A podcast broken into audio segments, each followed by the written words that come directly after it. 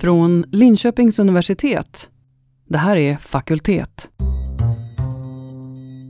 Jag heter Anneli Norberg. Det är måndag 1 juli.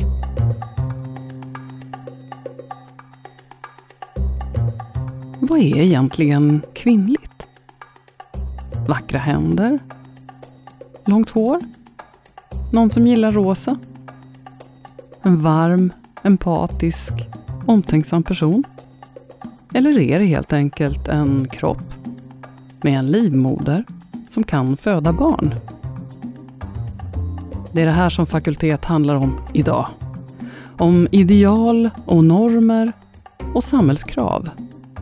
Och vad som händer när inte ens de allra mest givna förväntningarna infrias.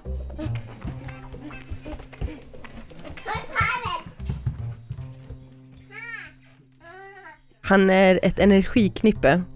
Envis, eh, glad, mycket integritet, kan vara lite avvaktande. Älskar sina kusiner, det är hans idoler. Det här är Lolita Karlerup. Hon är mamma till den här lillkillen som du hör i bakgrunden. Cash Douglas.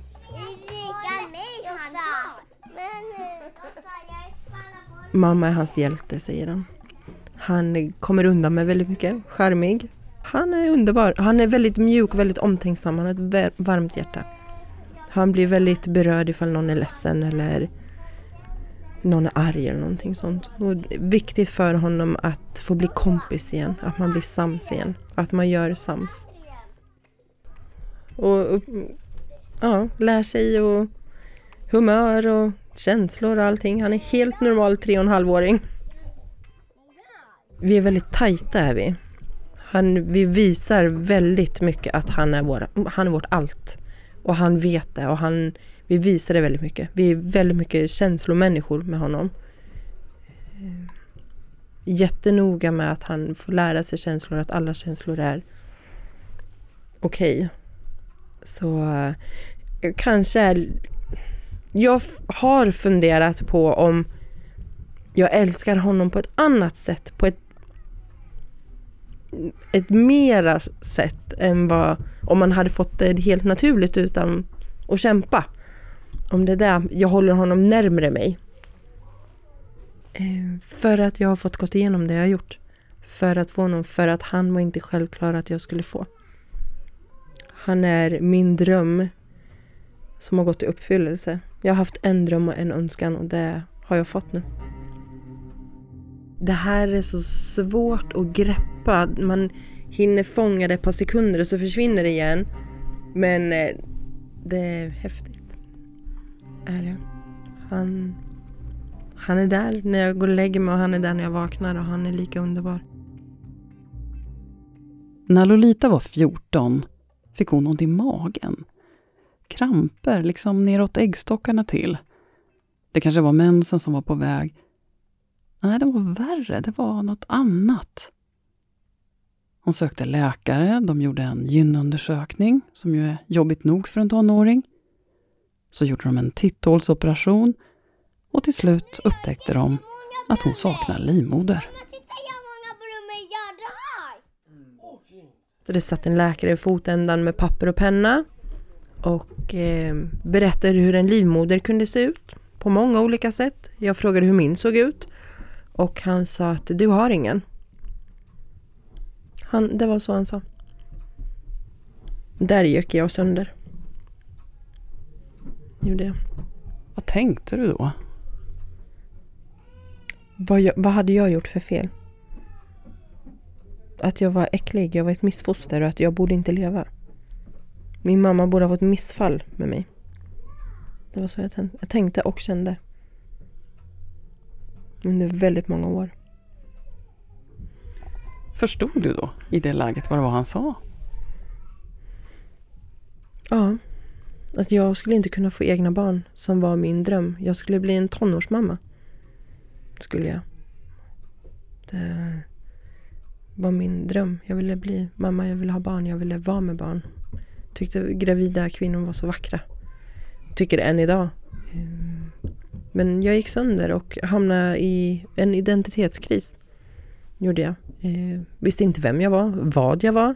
Eh, att jag var inte kvinna. Jag var trasig, jag var inte hel. Det var något fel på mig. Jag sa ingenting. Första gången jag sa till ett par vänner, det var när jag gick på gymnasiet. Var jag en tjej? Var jag en kille? Jag har till och med gjort vad, vad heter de här hormonprover bara för att se att jag verkligen har kvinnliga hormoner. För det här var ingenting som du kände till att någon annan hade? Nej. Första gången jag såg en annan tjej som var född som mig var 2013. Ja, 32, jag skulle ju fylla 33 det året. Då var det första gången jag såg en annan person som mig. Vad fick det för effekt på dig? Jag var arg. Jag, har, jag tror jag har varit arg i så många år. Jag har tyckt att världen varit orättvis. Jag har känt att jag skulle bli världens bästa mamma och så går kvinnan på andra sidan gatan och, och kanske inte ens bryr sig om sitt barn. Varför ska hon få barn för då? Varför inte jag? Jag skulle ju bli världens bästa mamma.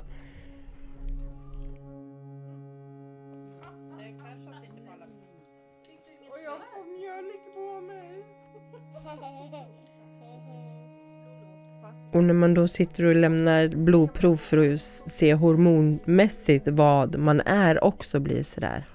Okej, okay. tänk om det kommer fram att jag är en kille. Vad händer då? Och sen så vet jag att jag frågade läkaren och sa att snälla kan inte ta bort mina äggstockar för det gör så ont. Och då sa han, tar vi bort dem så kommer du behöva hormoner hela livet. Kvinnliga hormoner hela livet. Um, jag var inte så som man blir lärd, att man ska liksom ha sex och älska sex. Men jag hade en slida på som var två och en halv centimeter. Wow! Vilken tonårstjej liksom typ, ja men kom! Alltså... Vågar man ens ha sex? Då? Då hade jag det för att han visste. Han var med från början. Men jag undvek det väldigt länge. För det var något... Jag vet inte, det blev något konstigt. Det blir någon jag vet inte. Man blir försiktig. Jag menar, man är inte så snäll i tonårstiden. Är man inte. Och sen då om man ska ha sex med någon som har en 2,5 cm djup slida, ja. Det blir inte så bra. Men det var jättejobbigt. Och sen har det gått, när jag blev äldre så gick det perioder. Just i tonårstiden så var det jättetufft. Ja, ungefär typ tills jag träffade min man.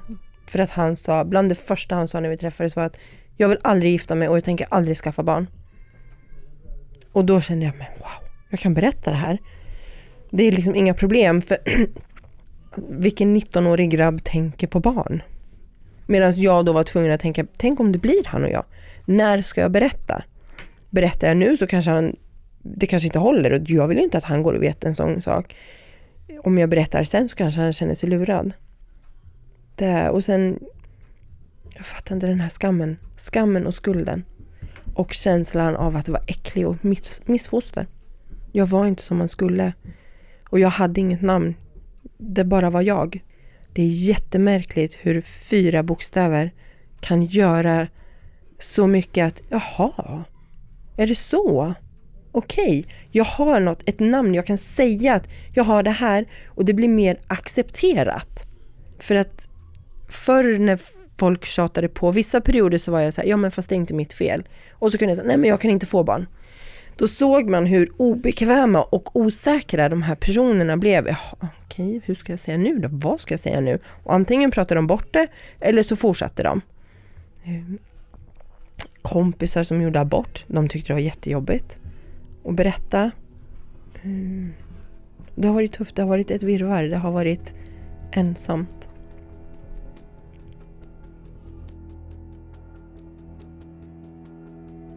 MRKH. Fyra bokstäver som står för Rokitansky's syndrom. Varje år föds ungefär 15 till 20 tjejer i Sverige med det här syndromet. Alltså utan livmoder och slida. Statistiskt sett så är det någonstans ungefär en på 5000. De här tjejerna har äggstockar, ibland bara en, och ibland är de lite annorlunda placerade. Men någon gång under fosterstadiet så har alltså livmodern och slidan slutat att utvecklas helt enkelt. Rent kroppsligt betyder det här att tjejerna aldrig får mens. Att det är svårt och kanske omöjligt att ha penetrerande sex. Och att de inte kan bli gravida. Just den här skammen man har gått och burit på och skulden, man har lagt skulden på sig själv och inte sagt till någon. Eller om man har varit i ett längre förhållande och frågorna kommer, ska ni inte ha barn? Ända sedan man är liten, vad är det man leker? Man leker mamma, pappa, barn. Så många bollar och tröjor som man har stoppat in och låtsas att man är med barn och man går där och man låtsas att ha en förlossning och få en nyfödd bebis och man leker. Det är ju så man ska göra. Tjejen ska bli med barn och de ska få bära barn och de ska föda barn och de ska ha mensen. Men det var inte jag. Det var som att få veta att man inte har något hjärta. Så säger en av de kvinnor som Lisa Guntram har intervjuat. Lisa Guntram är forskare vid Linköpings universitet och hon är intresserad av normkritik. Det vill säga, vad är det som säger att någonting är normalt? Och vem bestämmer det? Och vad får det i sin tur för konsekvenser? Genom att titta på eller lyssna till de här berättelserna som berättar om det som, som vi kanske aldrig har hört talas om och som är väldigt, som är väldigt nytt för många. Att just ja, men vaginan eller livmodern eller både och kan saknas från en kropp som vi som både där individen då själv som vad ska man säga, har den här kroppen har tänkt ska finnas där och vad alla andra runt omkring också har förväntat sig att de här sakerna bara finns där i kroppen. Eh, genom att just lyssna på de berättelserna så kan vi också börja fundera väldigt mycket tydligare tror jag över så här, ja men varför då? Varför har vi på något sätt bestämt att de här sakerna ska finnas? Då kan vi säga att ja, men det är statistiskt mest vanligt. Vi har gjort den här uppdelningen. Men, men det blir ju lite för enkelt att säga att ja, men det är bara för att, för att det är vanligt. För det finns ju andra saker som också är vanliga som vi inte kategoriserar på samma sätt. Så det har ju också genom mänsklighetens historia fått en väldigt stark kulturell betydelse. Kanske just det här att kunna att kvinnokroppen är den kroppen där barn, där barn bärs. Liksom. De är där inne. Fostret finns där inne och växer där inne. Um, och det, det kommer ju med vissa förväntningar då, kanske framförallt kopplingar både då mellan kvinnlighet och moderskap också. Att de hänger väldigt nära ihop. Att vara, att vara kvinna, det är också, innefattar också en förväntan på att någon gång vara eller bli mamma. Liksom. Och vad, vad blir mitt liv nu och hur ska jag hantera det här? Och vem kommer vilja ha mig nu? Man har en föreställning om att, eh, att framtida, och framförallt de manliga partners, de kommer vilja ha någon som kan vara gravid just och som kan bara bära vårt gemensamma genetiska barn. Att man har en, en idé om att det är det som man måste kunna leverera eller det är det som, som en man kommer vilja ha. En slags funktion. En slags funktion eh, och också en väldigt tydlig idé om, om den relation, hur en relation ska se ut. Eh, så det här säger ju och, och sen visar det sig att så var inte alls fallet. Det är inte alls det alla förväntar sig. Men det säger någonting ganska tydligt om både normen för vad man ska ha och vara som kvinna och också om normen om vad man, vad man vill ha om man är man. Och jag skulle säga att det säger någonting om att det fortfarande finns ganska snäva idéer om vad män och kvinnor både vill ha och vad de ska vara. Trots att vi kanske då i Sverige har en, en, en stark och lång tradition av, av kvinnlig liksom, frigörelse och att vi också har en, ja, men ett, ett samhälle där vi har arbetat mycket för sådana här strukturer som föräldraförsäkring och ja, jämställda arbetsvillkor och så, eh, så finns det ju fortfarande en, en ganska stark förväntan på att en kvinnas liv innefattar att både få och vilja ha barn fortfarande. det, är ett, det är på något sätt att gå utanför normen om man, om man inte följer den liksom banan, eller idén om den livsbanan.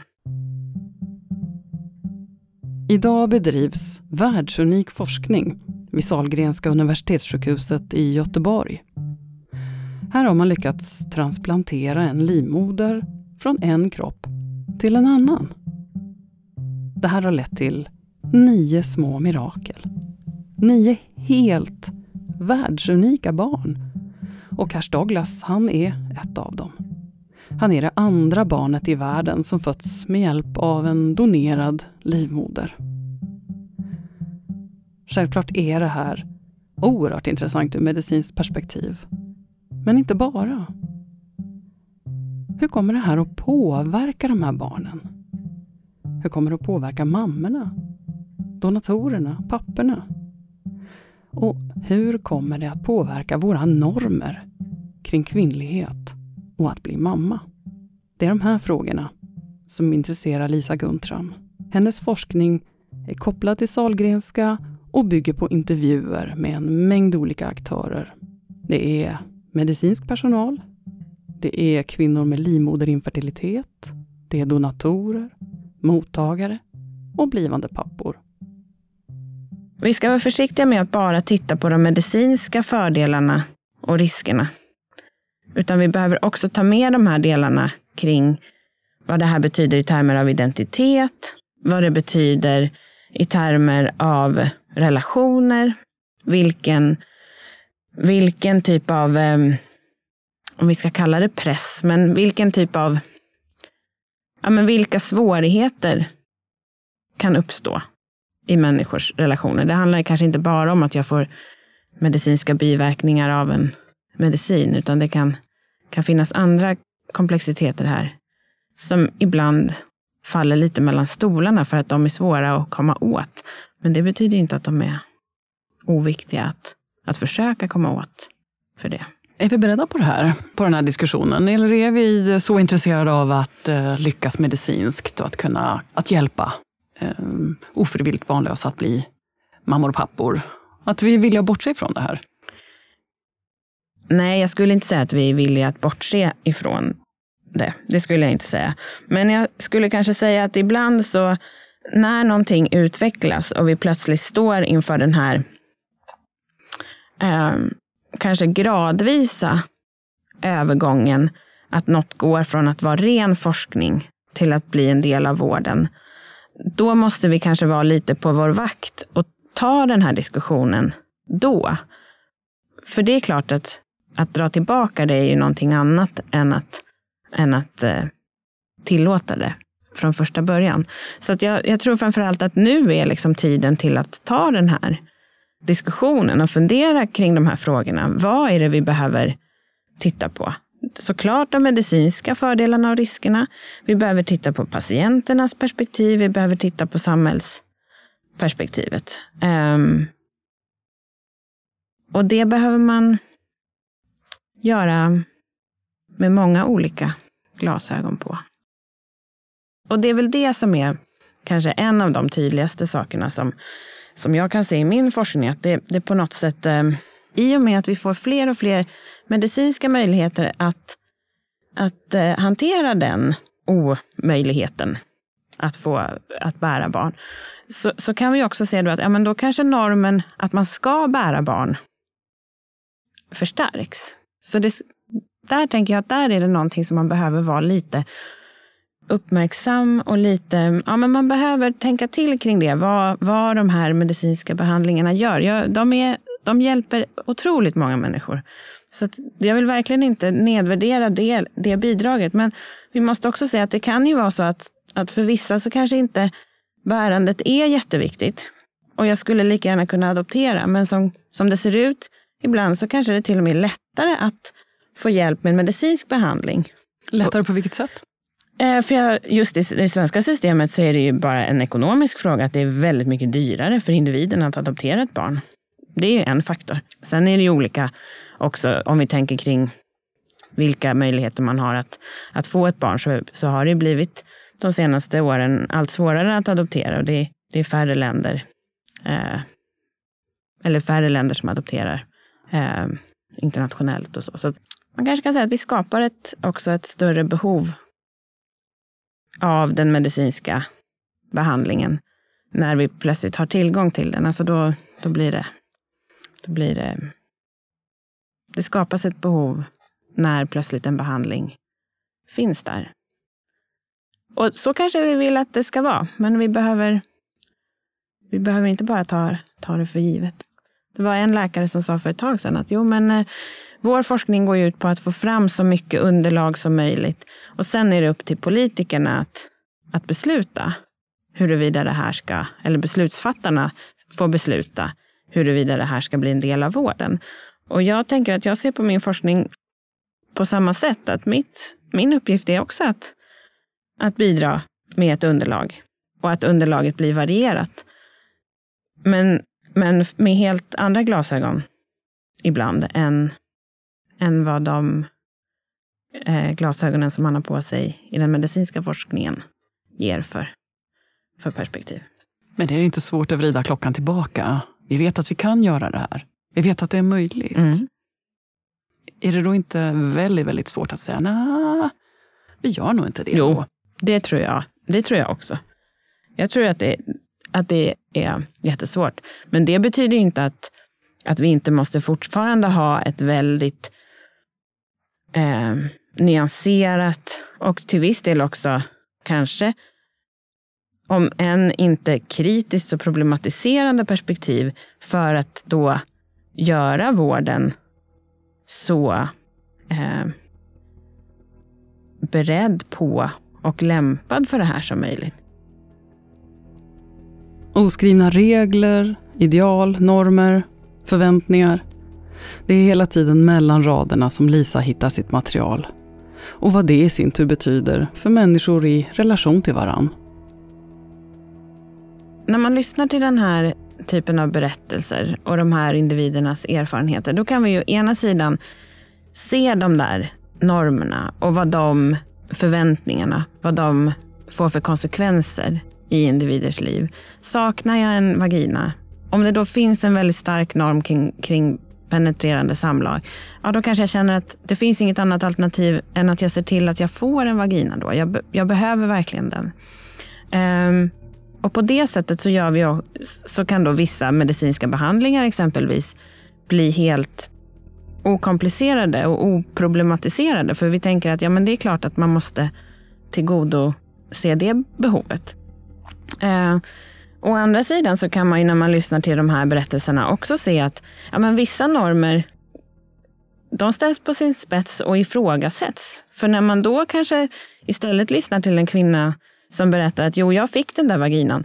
Men jag tyckte verkligen inte att det var värt att hålla på sen med allt det där jobbet. Så i, i efterhand så undrar jag om, ja, skulle jag gjort det igen så skulle jag vänta tills jag var äldre. För det var inte, jag kanske hade kunnat klara mig bra utan den och sluppit ganska mycket av, av det här jobbet som det har inneburit. Och jag tänker att så skulle man kunna även tänka kring, kring eh, livmodertransplantationen. Att att å ena sidan så, så bidrar ju de såklart till att hjälpa människor. Eh, ofrivilligt barnlösa individer kan, kan bli föräldrar och det är ju självklart fantastiskt. Men om vi också tittar på det från, från fler håll, då kan vi se att ja, men med den här typen av behandlingar, då kommer vi kanske också stärka idén om hur viktigt det är att både vara genetisk förälder och att bära ett barn. Vi befäster så att säga förväntningar och ideal som vi redan har. Ja, till, i alla fall till viss, till viss del. Och kanske särskilt då om man säger att jo, men det är den här typen av behandling vi ska erbjuda. Den, den erbjuder vi i Sverige. Um, men um, istället då för att kanske fundera kring, ja men okej, okay, ska alla personer få samma pott med pengar. Vi skulle kunna säga att okej, okay, så här mycket kostar det med en livmodertransplantation. Vill du hellre lägga de pengarna på att adoptera? Okej, okay, varsågod. Jag, jag förstår också att det är, alltså i ett system som det ser ut nu, så, så är inte det praktiskt möjligt. Men om vi gör ett sånt tankeexperiment, då kan man, kan man också börja se, ja men varför, varför tycker vi att just medicinsk stöd och medicinsk hjälp, varför har det en sån stark ställning? Um, kan man lösa saker på andra sätt? Vad skulle det innebära? Vi kanske kommer fram till att nej, det är ingen bra idé. Men, men vi kan börja luckra upp vårt tankesätt ibland. Mm, jag kommer ner den 23 också. Jag har kikat. Mm. Det var så självklart. Det, får du, det var jätte, jätte självklart. Mm.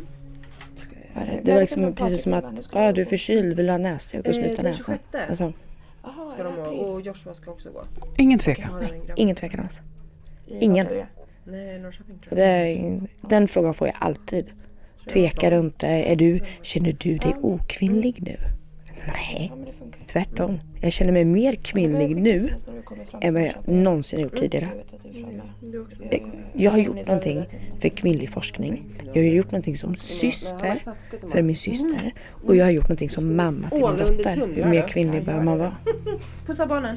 Det gör jag. Alltid. Puss, puss, puss. Hejdå. Det här är Linda Westerlund, Lolitas syster och livmoderdonator. Det, jag är jättekvinnlig.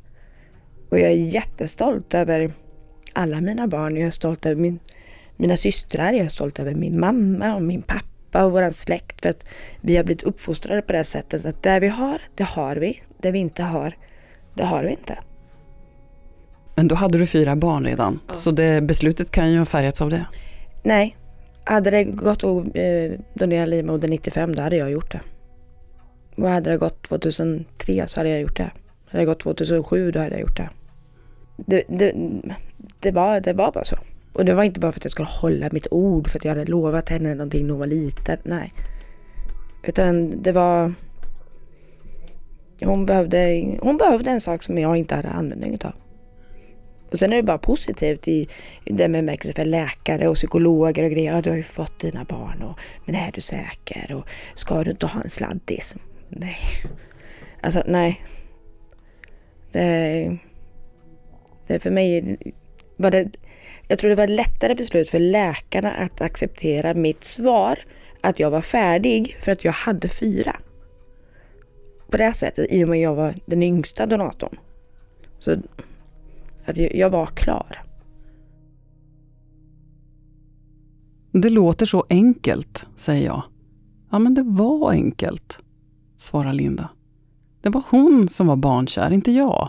Det var hon som skrev till Bullens brevfilm i tv och frågade Jag är 12 år, när kan jag skaffa barn? berättar Linda. Även om de här syrrorna inte var särskilt tajta i tonåren, det skiljer fyra år dem emellan, så har de kommit mycket närmare varandra nu. Lolita var med vid förlossningen när Linda fick sitt första barn även om det inte alls var självklart. Det märks att det finns speciella band mellan kusinerna också. Världens första påskusiner, brukar de säga. Eftersom alla har legat i samma livmoder. Ja, det verkar verkligen viktigt att avdramatisera. Det är verkligen viktigt att tona ner allt det här jobbiga som de har varit med om. Hon har hjälpt mig massor med mina barn under alla år. Och det... Hon är absolut inte att hon ska känna sig evigt tacksam eller att hon ska känna sig skyldig på något sätt. Nej, nej, nej, nej, nej. Absolut inte. Utan det här är precis som att man äter mat eller man dricker vatten eller... Vi brukar jämföra med att det är som att låna en tröja. Vi har bara lånat en tröja av varandra. Det låter säkert jättetokigt men det är den relationen vi har haft och jag tror att det var så många år i den här smärtan att det liksom Jag vet inte, det var bara så naturligt det här. Var det? Och min syster frågade aldrig mig. Inte ens för forskningsprojektet eller när hon var mindre eller under äldre tonåring eller någonting. Är du säker att jag kan få din livmoder? Nej, hon har aldrig frågat mig. Aldrig. Utan för mig var det självklart. Det var jag som tog upp frågan om surrogat. Jag kollade upp i Finland och Danmark och England vilka regler som gällde och vad och när, hur och varför. Det var jag, det var mitt initiativ för att det var förbjudet i Sverige. Det som ställs på sin spets här, det är å ena sidan att det här organet inte då är livsnödvändigt. Det är inte så att du den här personen är inte allvarligt, allvarligt fysiskt sjuk innan eh, eh, man får livmodern. Utan den är ju till för att man ska just kunna bära ett barn eh, som är ens genetiska barn då i första hand i dagsläget. Och, och det skapar ju vissa frågor. Ska vi, ska vi göra det därför, undrar ju vissa då, när det inte handlar om att på det sättet rädda någons liv, utan skapa liv snarare. Men det man kanske behöver fundera över, det är ju det där, om vi å ena sidan då kan se att livmodern har en väldigt, den har någon typ av kulturell och symbolisk eh, speciell ställning. Vi värdesätter den på ett speciellt sätt. Eh, hur är det då att ge bort en livmoder? För vi har också en tanke om att när man är klar med att föda barn, då är man klar med livmodern. Då kan man donera den. Och den typen av, om vi ska kalla det, eh, föreställning eller sätt att, att prata om livmodern, den har varit ganska vanlig hittills i debatten. Och frågan är om, om det är så lätt alltid och vilka liksom både nya relationer kan uppstå när vi flyttar just det här organet mellan kroppar. Men, men också vad, vad, vad betyder det att ge bort det? Om jag inte skulle vilja göra det, hur, hur mycket av ett normbrott eller hur accepterat är det att säga nej? Jag vill, jag vill ha kvar den här livmodern fast jag inte ska egentligen använda den till något. Den kanske inte ens menstruerar längre. Jag kanske inte ens har någon mens, men jag vill fortfarande ha den. Vilka möjligheter och vilka öppningar skapar vi då för att också den typen av erfarenheter ska få höras och tas tillvara? Där tänker jag vi fortfarande behöver veta mycket, mycket mer. Där kan man ju resonera på olika sätt, att det kan vara lättare när vi, när vi känner varandra, man vill man, man pratar ofta i transplantations och donationssammanhang om att, att, att, att det är viktigt att ha det där nära bandet för att vi ska undvika att det blir andra ersättningar under bordet, under bordet pengar och så. Um, men man kan också fundera över varför, hur det kan komma att göra att relationer också blir annorlunda än tidigare eller mer komplicerade, kanske särskilt om det inte går som man har tänkt sig, det inte blir något barn eller att donatorn mår väldigt dåligt eller, eller så. Det, det, det kan ju, saker kan ju ställas på sin spets även åt, åt det hållet. Men att kunna föreställa sig på förhand vad det betyder, det kan innebära väldigt, eller att försöka göra det, att hjälpa personer att göra det, det kan innefatta väldigt mycket mer tror jag, än att bara fokusera på de medicinska riskerna. Det kan också handla om att försöka prata mer om de här relationella och existentiella dimensionerna som det här också innefattar. Och vad, vad, vad gör det med mig? Det gör nog, alltså om man tänker på andra som behöver hitta en donator och ens fråga en sån fråga kan jag tänka mig. Så därför tror jag jag hade det väldigt enkelt och jag hade ju två donatorer. Jag hade, hade inte min syster och jag matchat med blodet, vi måste ha samma blodtyp, så hade ju min mamma ställt upp. Så jag var väl bortskämd på det sättet. Men det, är just, men det är nog bara för att det var så självklar sak mellan oss att det skulle vara så här. Och som min syster sa att hade jag behövt fråga henne så kanske jag hade känt en annan tacksamhetsskuld till henne. Och det vet inte jag. Så jag kan tänka mig att det är en svår fråga att ställa. Så, och jag frågade ju inte ens, jag ringde bara och sa att nu har vi mötet här i Göteborg och nu kommer vi med projektet och så var det bara, och Linda frågade, ja var ska jag åka och lämna blodprov? Det var så enkelt.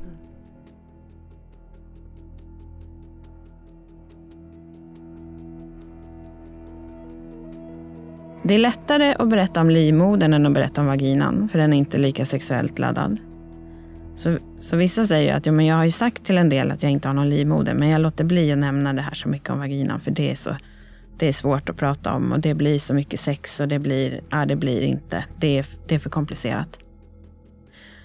Och för dem själva så kan det ju vara så att de sätter ord på det genom att säga att nej, men för mig så är det inte så stor skillnad, genom, skillnad mot att sakna något annat. Det, jag kan se det som att jag saknar det här och man kan sakna andra. Andra kan sakna en arm och så.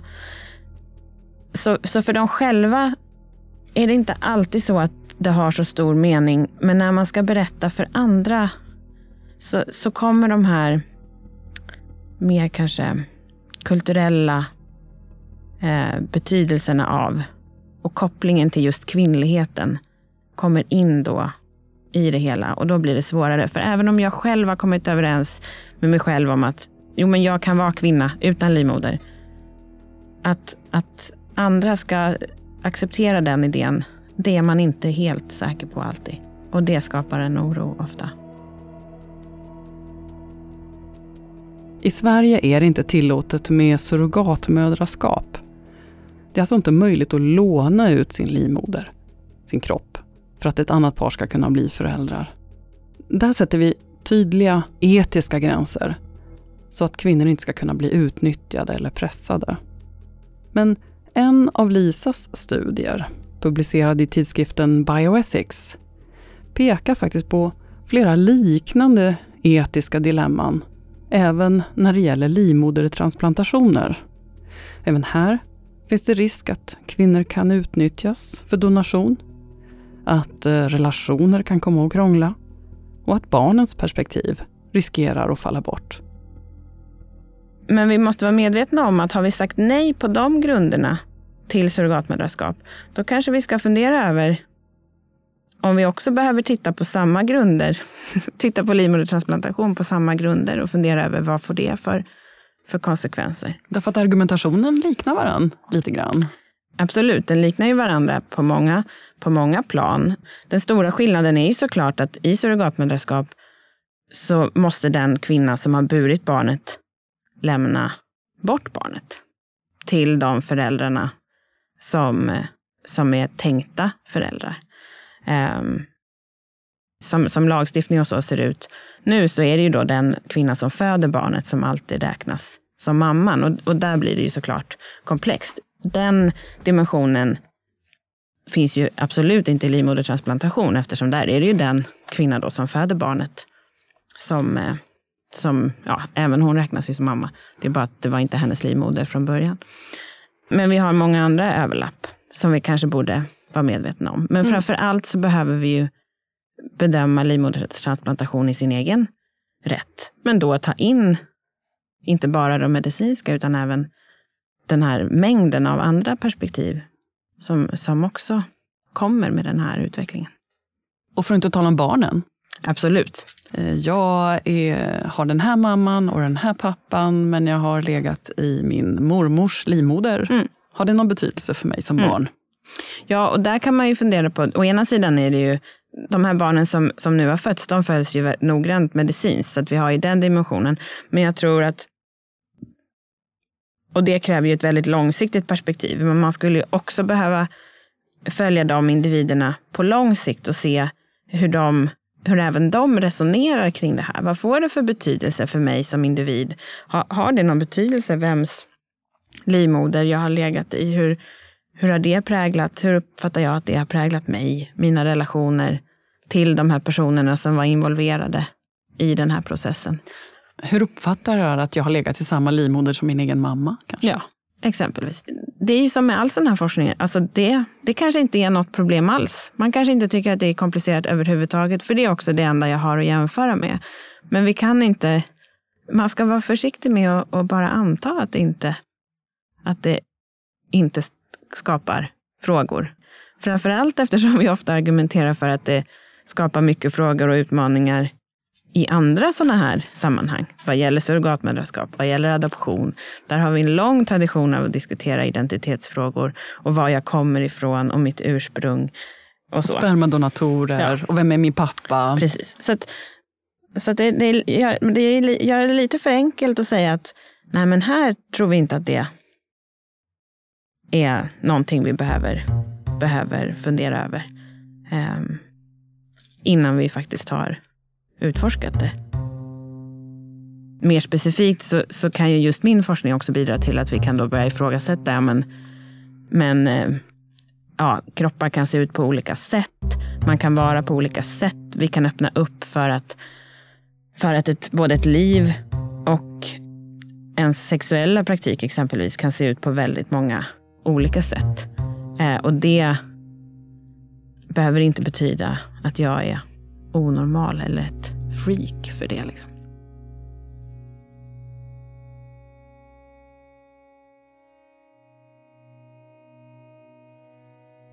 Hur har allt det här som du har varit igenom påverkat dig idag?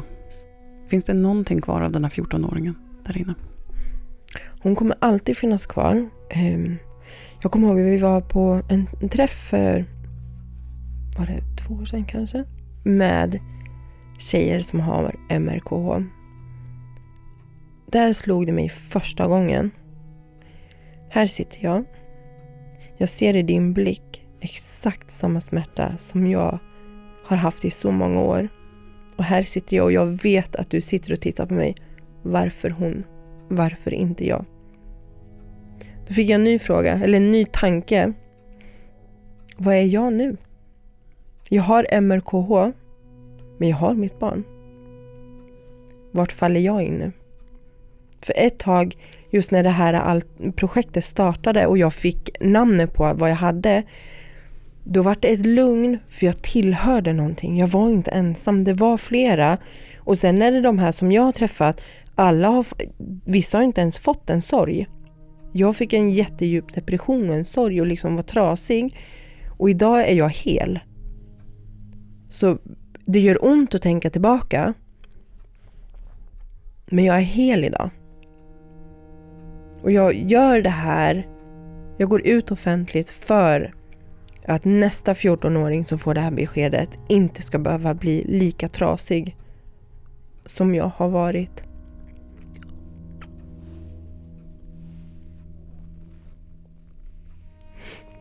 För att läkarna ska kunna vara medvetna om det. Och inte bemöta en så som man har blivit bemött. Att de ska veta att, men vänta, jag har hört det här någonstans. Vet du, vi, vi ska fixa det här. Du är inte ensam. Tjejerna ska veta att de inte är ensamma. Och jag önskar och, och hoppas verkligen att alla ska få möjligheten som vill. Men just den här att de inte ska gå runt och vara så trasiga och ha så ont som jag har haft. Och för att läkarna måste få reda på det här. Det här ingår i deras jobb gör det och de måste få veta vad det är. Det är så viktigt för det börjar hos dem. Det är deras bemötande och deras kunskap som sätter hos tjejen, patienten, hur de ska hantera och hur, hur man ska gå vidare.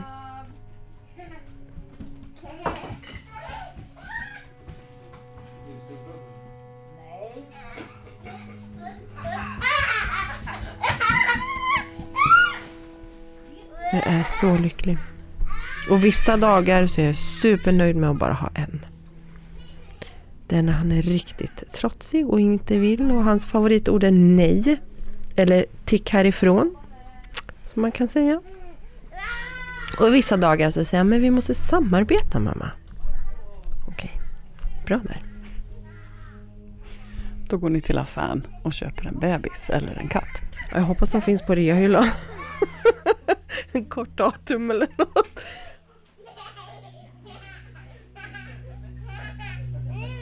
Cash Douglas, nyss fyllda fyra och en riktig liten drömkille.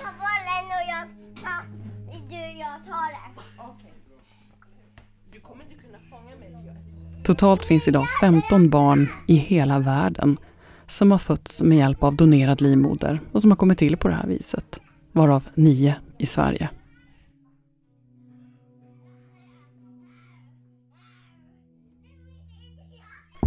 Det här är Fakultet. Det är en helt ny samhällspodd från Linköpings universitet om forskning som vill påverka dig och din vardag.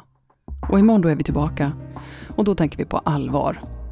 Ja, faktiskt, på allvar skrota begreppet utanförskap. Vi hörs då.